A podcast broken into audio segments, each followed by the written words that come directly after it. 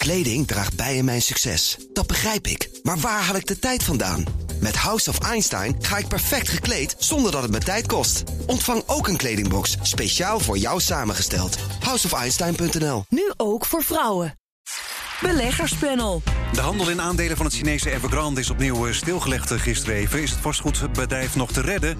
En we blikken vooruit op het beursjaar 2022. We gaan het allemaal bespreken in het beleggerspanel. Met eh, Ralf Wessels, hoofdbeleggingsstrategie van ABN AMRO.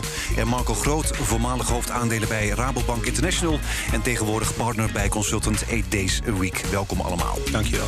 Ook in het nieuwjaar, maar eerst even, wat was jouw laatste transactie, Marco?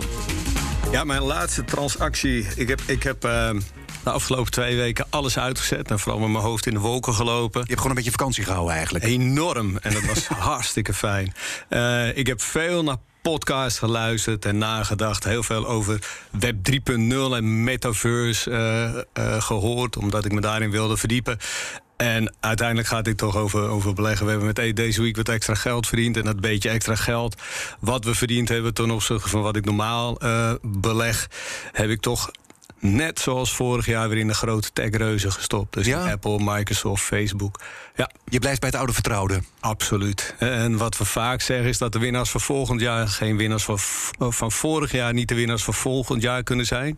Ik mocht die vorig jaar op 5 januari staan. En toen heb ik uh, dat uh, tegengesproken. Dus dat de winnaars van 2019, of 2020, de winnaars van 2021 zouden zijn. Maar je bent er nu een beetje op teruggekomen. En nee, dat herhaal oh, ik nog een keer. Okay, dus ja. ik ga voor uh, drie op een rij. Drie op een rij, ja. oké. Okay, nou, we gaan zo meteen uh, nog verder vooruitkijken naar dit jaar. Ja, heel graag. En Ralf, jij zit op nieuwjaarsdag ook meteen te handelen of niet? Nee, ik heb nog dit jaar nog helemaal niks gedaan. en eigenlijk mijn laatste actie was... ik zet altijd een beetje wat extra geld in de markt... en dat doe ik gewoon in een... In, marktbreed, dus gewoon een ETF op een index. Uh, als de, uh, de VIX een beetje spijkt, de angstindicator, nou dat was in, uh, in december of november, december. Dus toen heb ik voor het laatst gewoon gehandeld. Ja. Oké, en nu dus even rustig aan en zo meteen ja. eerst maar eens verder kijken hoe het uh, nieuwjaar uh, gaat beginnen. Nou ja, dit is wel gewoon eind van het jaar en begin van het jaar is altijd uh, vanuit seizoenspatronen zijn altijd sterke periodes. Ja. Nou, de aandelen- en derivatenhandel van het Chinese Evergrande was gisteren weer tijdelijk even opgeschort. Het vastgoedbedrijf moet 39 onafgeronde appartementencomplexen in de provincie Hainan in China slopen, omdat het de bouwvergunningen illegaal verkreeg. Ja, zo'n zo'n zo'n tijdelijke opschorting van de handel in aandelen uh, ja, kan het de boel nog redden eigenlijk? Ja, het is een heel ingewikkeld verhaal. Hè. Dit, ik denk dat het veel groter is dan, dan Evergrande alleen.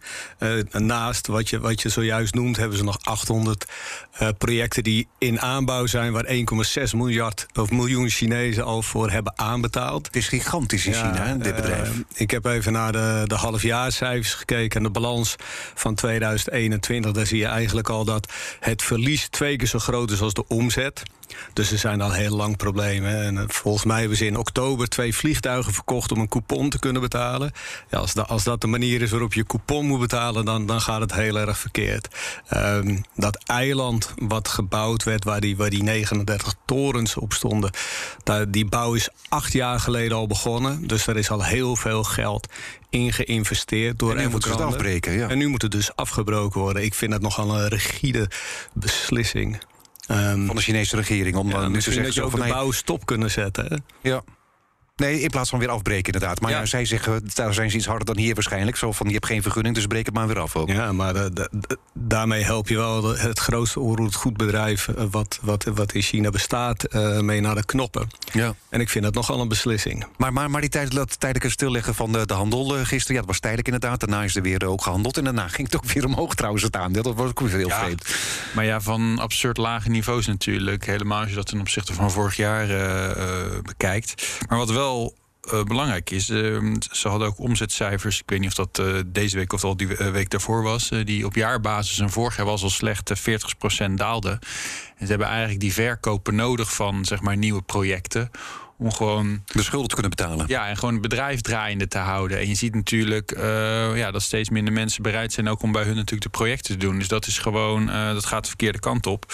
Maar je ziet wel Uh, en dan gaat het natuurlijk ook over uh, kunnen ze hun schulden uh, nog betalen. Maar kijken we breder naar de hele ontwikkelings- of de vastgoedmarkt in China.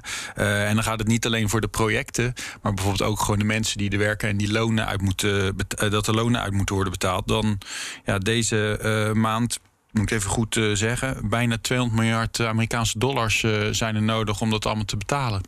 Dat is veel. Dus, en, uh, dat is vrij veel. Ja.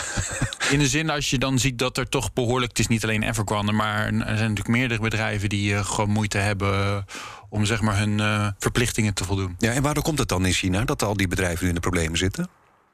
Ja, doordat voor heel lang is de groei van China uh, voor een heel groot deel gebaseerd op investeringen. En dat is voornamelijk uh, in, in zeg maar projectontwikkeling geweest en het bouwen van huizen. Uh, dat is voor een lange termijn pad niet gezond als je economie daar zo afhankelijk van is om op die manier te groeien. nou, dat heeft gezorgd voor ja, zeg maar leverage in de economie. en de, een luchtbel eigenlijk in de huizenmarkt. Ja, nou, ik wil niet zeggen dat het luchtbel is. Maar zeg maar, het feit dat je alleen maar met investeringen groei genereert, dat is niet op de lange termijn niet houdbaar. Dus uh, de Chinese overheid wil dat terugbrengen om inderdaad niet tot het punt te komen wat we zeg maar uh, in 2007, 8 in de VS uh, hebben gehad. Dus die is het aan het terugbrengen. De Lehman Brothers.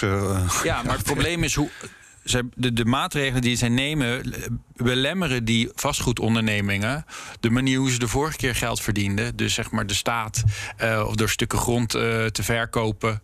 Uh, door zeg maar dat gemeentes gewoon leningen konden uitgeven. Die worden daarin beperkt. Dus eigenlijk de toevoer van de financiering droogt daar een beetje op. Maar China probeert het wel ja, hoe zeg je dat? Waar we het in, in de VS gewoon klapte, proberen ze dat enigszins gestructureerd te laten afkoelen. Ja, maar, je kan je ook inderdaad afvragen van Evergrande gaat uh, nu van uh, deadline naar deadline om dan die schulden te kunnen betalen. Je zou ook kunnen zeggen van waarom gaat het niet gewoon failliet? Ja, dat zal op de duur ook kunnen gebeuren. Het gaat nu maar om een klein bedrag. Volgens mij ging het dit kwartaal, of ze hebben nu gedefault op een bedrag van 250 miljoen dollar.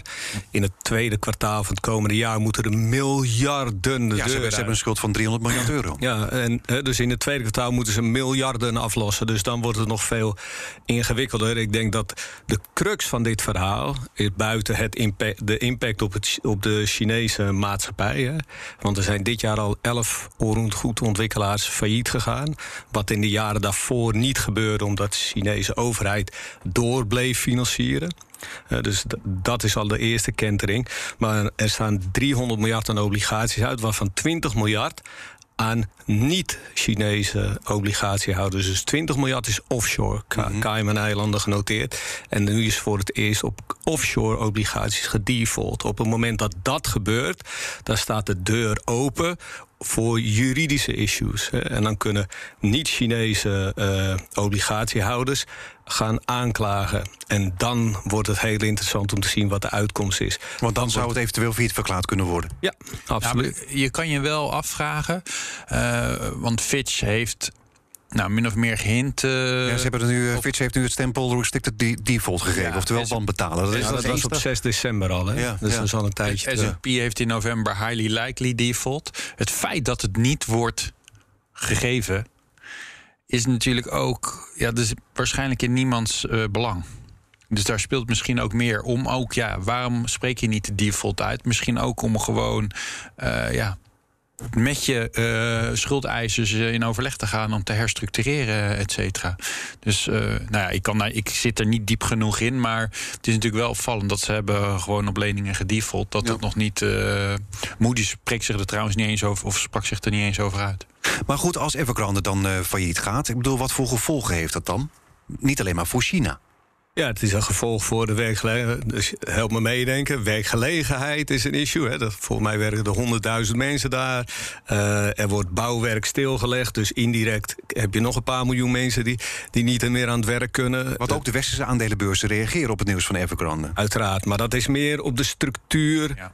impact, uh, of de, de impact die het heeft op de marktstructuur. Op het moment dat dit gebeurt, dan is in ene China als overheid niet meer de backer van alle problemen die daar bestaan gaan. En dan wordt China een veel minder opportunistische markt om in te beleggen. Omdat het een soort van beleidswijziging wordt gezien dan van China. We, we, we houden die bedrijven niet kosten wat kost levend. Maar we laten ze nu langzaam een beetje imploderen. dus dan nou ja, en in het begin was er ook de angst dat het een, zeg maar, een Lehman moment zou kunnen veroorzaken. Maar goed, dat is wel heel ver door, uh, doorgetrokken. Ja, maar dat, dat kan niet meer nu?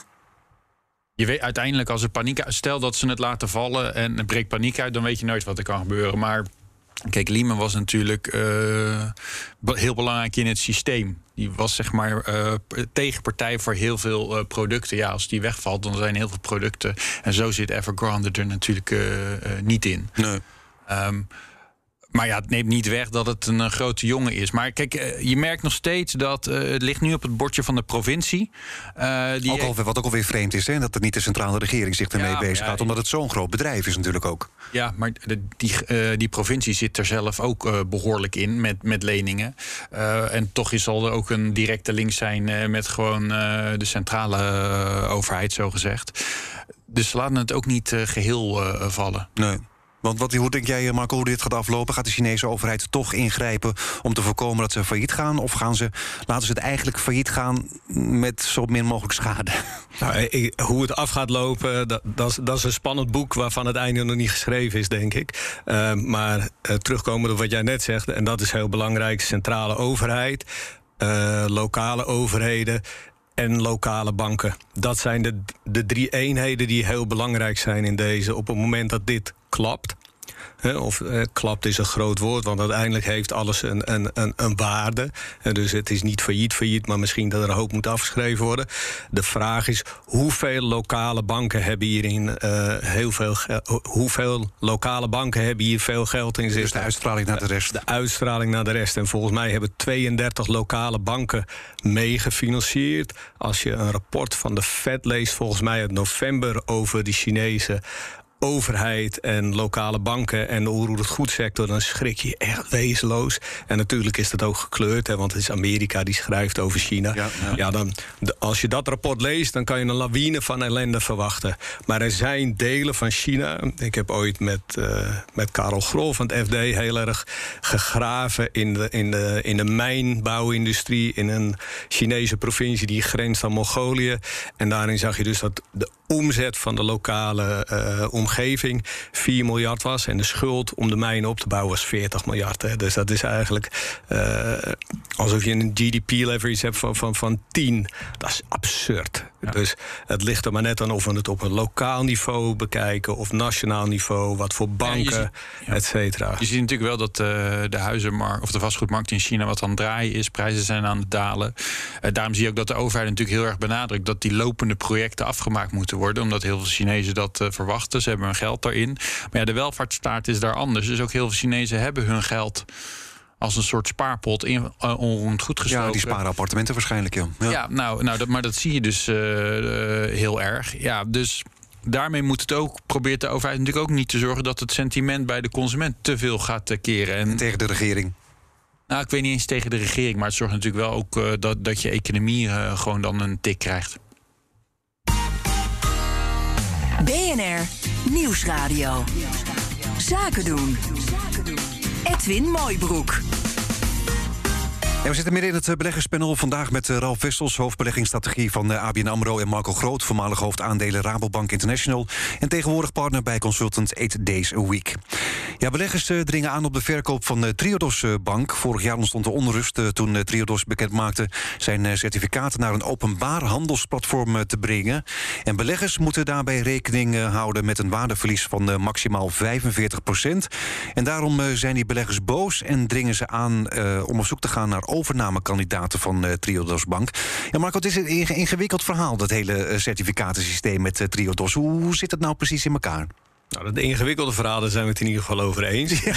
Hoe het in elkaar zit, dat is volgens mij nog, nog iets ingewikkelder, denk ik. Uh, Wat je kunt als klant, kan je dus certificaten kopen van Triodos. Dat zijn geen aandelen eigenlijk, maar je belegt eigenlijk een beetje in Triodos. En uiteindelijk uh, deel je dan ook een beetje mee in de winst, net als bij gewone aandelen. Ja, dus het, het klinkt alsof je een obligatie koopt, maar eigenlijk is het een achtergesteld product. Het is een certificaat, heeft geen stemrecht en je krijgt er een rendement op. En Triodos is natuurlijk een enorm duurzame bank hè, waarin je geld eh, belegt of je geld daar parkeert omdat je impact wil maken. Alleen toen corona toesloeg, toen wilde iedereen in ene toch zijn certificaten verkopen. Dus uh, duurzaam... Ineens, ineens een run uh, op bleek de bank heel duurzame te zijn. En uh, dus voor, voor, voor mijn gevoel, als ik deze hele zaak terugdraai... is het vooral een gevalletje hebzucht. dus die certificaten die horen bij het eigen vermogen... Triodos Bank is de enige die een markt maakt in die certificaten. En als alles spice en vrij is, dan zijn er wat mensen die kopen en wat verkopen. Dus per saldo dat moet je dan gewoon rechtstreeks doen bij uh, Triodos. Precies. Er, certificaat. Geen, ja, er zat geen tussenpersoon tussen. Triodos Bank had wat kapitaal apart staan om af en toe wat meer verkopers dan kopers op te kunnen vangen. Maar er zat niet heel veel stress in.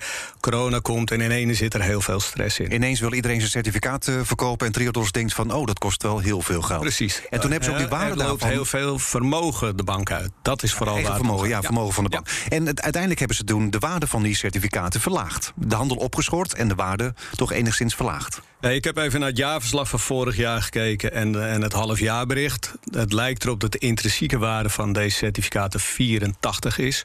84 Alleen, euro, ja. ja. Uh, ze zijn ooit uitgegeven voor 45 en dan maakte je 2, 3 procent rendement erop. Natuurlijk is tijdens corona dat uh, rendement even stopgezet.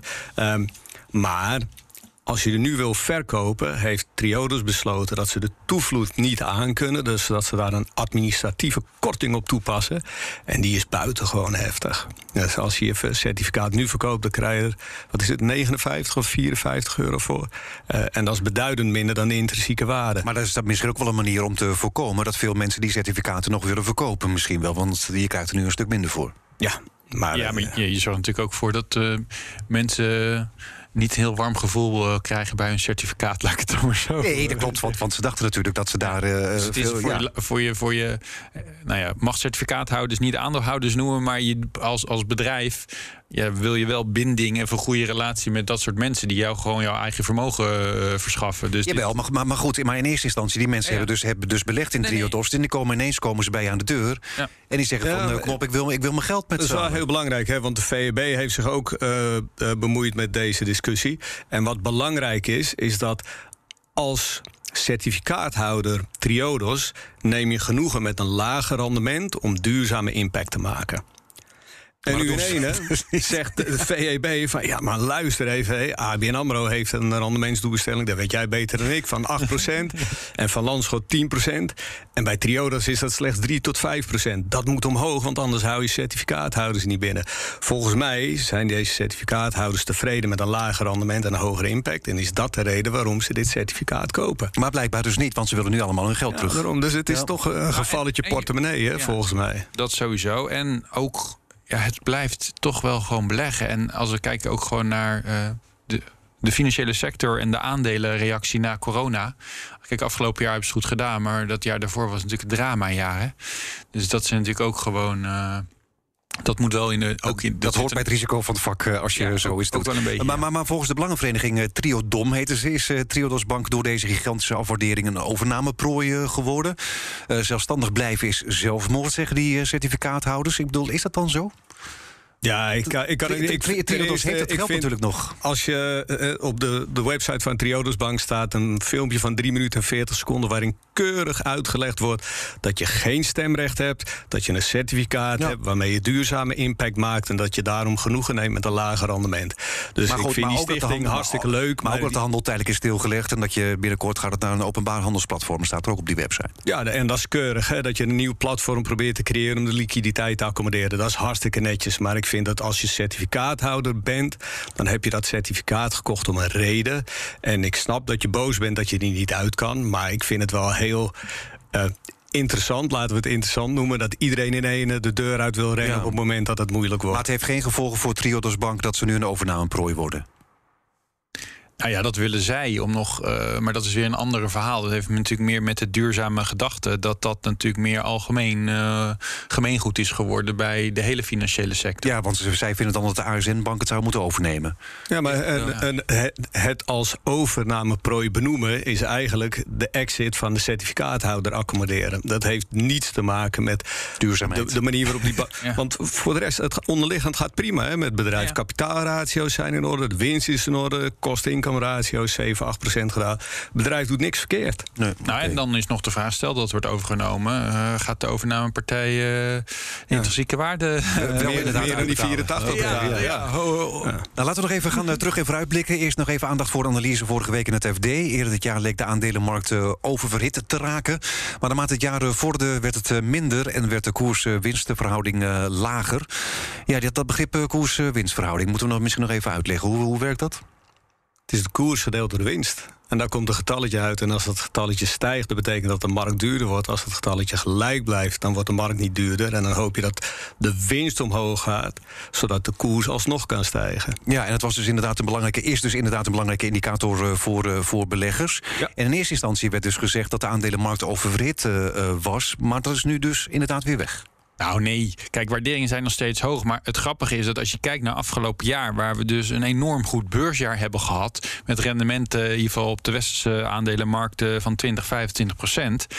dat de winstgroei nog harder is gegaan. Want per saldo is de koers-winstverhouding van januari uh, eh, 21 tot uh, december is licht gedaald. Neemt niet weg dat ze nog steeds hoog zijn. Ze, zijn voor de wereld maar ze zijn gedaald omdat de winsten ook mee zijn, zijn gestegen. Harder, harder, ja, harder, gestegen. harder gestegen. Ja. Dus uh, het is niet meer zo extreem als het begin 21 was. Maar het is vanuit historisch perspectief is het nog steeds hoog. Nog steeds hoog. En dus is het voor beleggers misschien ook wel moeilijker om nu in te stappen. Ja, je moet een verschil maken tussen hoog en duur. Hè? Dus het is hoger dan vorig jaar, maar is het veel duurder geworden? Nee. Want het is precies zoals jij zegt. Winsten van bedrijven zijn fenomenaal hard gestegen. Met name de bedrijven die de index dragen. Ja, dus je hebt een kleine categorie, oliebedrijven, oude industrie, die achterblijven. Maar de grote bedrijven, dus de Microsoft, de Apples, de ASML, die winststijgingen zijn fantastisch. En ik weet niet of en dan, je en, en, en, dan maakt het dus inderdaad niet uit hoe hoog die aandelen dan nu staan. Nee, absoluut niet. Overigens, we hebben het over koerswinst. Ik kijk nooit naar winst, ik kijk alleen maar naar cashflow. En als ik naar de cashflow kijk van bedrijven, als je naar Apple kijkt, naar Microsoft, cashflow-stijgingen van 20 tot 25 procent per jaar. En abonnementjes voor Netflix en Microsoft worden gewoon ruksigloos 10% hoger neergezet. De kosten voor je abonnementje. En de omzet, eh, de, de, de volumeomzet stijgt ook 10, 12%. Dus die bedrijven gaan weer 20% groeien dit jaar. Dus eind dit jaar, all things being equal, zijn ze gewoon weer 20% duurder. Maar het is niet duurder, het is hoger. Ja. Dat is iets anders. Ralf, hoe zie jij dat? Nou, ik vind wel als je. Uh, jij kijkt dan naar de cashflow, kijkt dan ook wel eens naar de price-to-sales ratio. En die is voor de hele markt. Uh, zit tussen de 3 en 4. Ja, als ik dat. ASML, prachtig bedrijf. Ik geloof ook, ze doen het hartstikke goed. Maar ja, als je dan een price-to-sales hebt van, van volgens mij 16 of zo. Uh, dat is wel voor de aankomende 16 jaar ik zeg wel, laat ik het zo zeggen. Ik vind waardering, waardering heeft voorspellende waarde voor de beurs. Ja. Alleen het is een verschrikkelijk timingsinstrument. En ik zeg altijd, de waardering alleen is geen reden dat een beurs corrigeert. Nee. Dus, dus ik maar, maar, verwachten, maar verwachten jullie een correctie voor het uh, komend jaar? Want ja, afgelopen jaren hebben natuurlijk verschillende dingen zijn er gebeurd. Nou, ja, koers even één dagje naar beneden, hup, is het weer omhoog gegaan. Kijk, weet je, correcties voorspellen is compleet onmogelijk. Uh, dus uh, de markt is een soort drietrapsraket voor mijn gevoel. Eén is corona en klimaat. Dat bepaalt het korte termijn sentiment. Dan vervolgens uh, krijgen we geopolitieke uh, situaties en daarop reageert de inflatie. Maar op de lange termijn voor 2022 goed beurs, even kort? Ik denk dat we een fantastisch jaar tegemoet gaan. Ralf? Ja, maar wel met meer bewegelijkheid. Oké, okay, dank jullie wel. Ralf Wissels, hoofdbeleggingsstrategie van ABN AMRO... en Marco Groot, voormalig hoofdaandelen Rabobank International... en tegenwoordig ook partner bij Consultant 8 Days a Week. Transportreus van Stralen de Vries rijdt al 16 jaar met elektrische trucks. Daarmee mag het gerust een voorloper genoemd worden. Maar Erwin Keizer, projectmanager duurzaamheid, kijkt verder dan dat. Hij werkt aan lokale energiecoöperaties, transporthubs en samenwerkingen... die zorgen voor zo min mogelijk leegrijdkilometers. Je leest zijn verhaal op partner.fd.nl bp.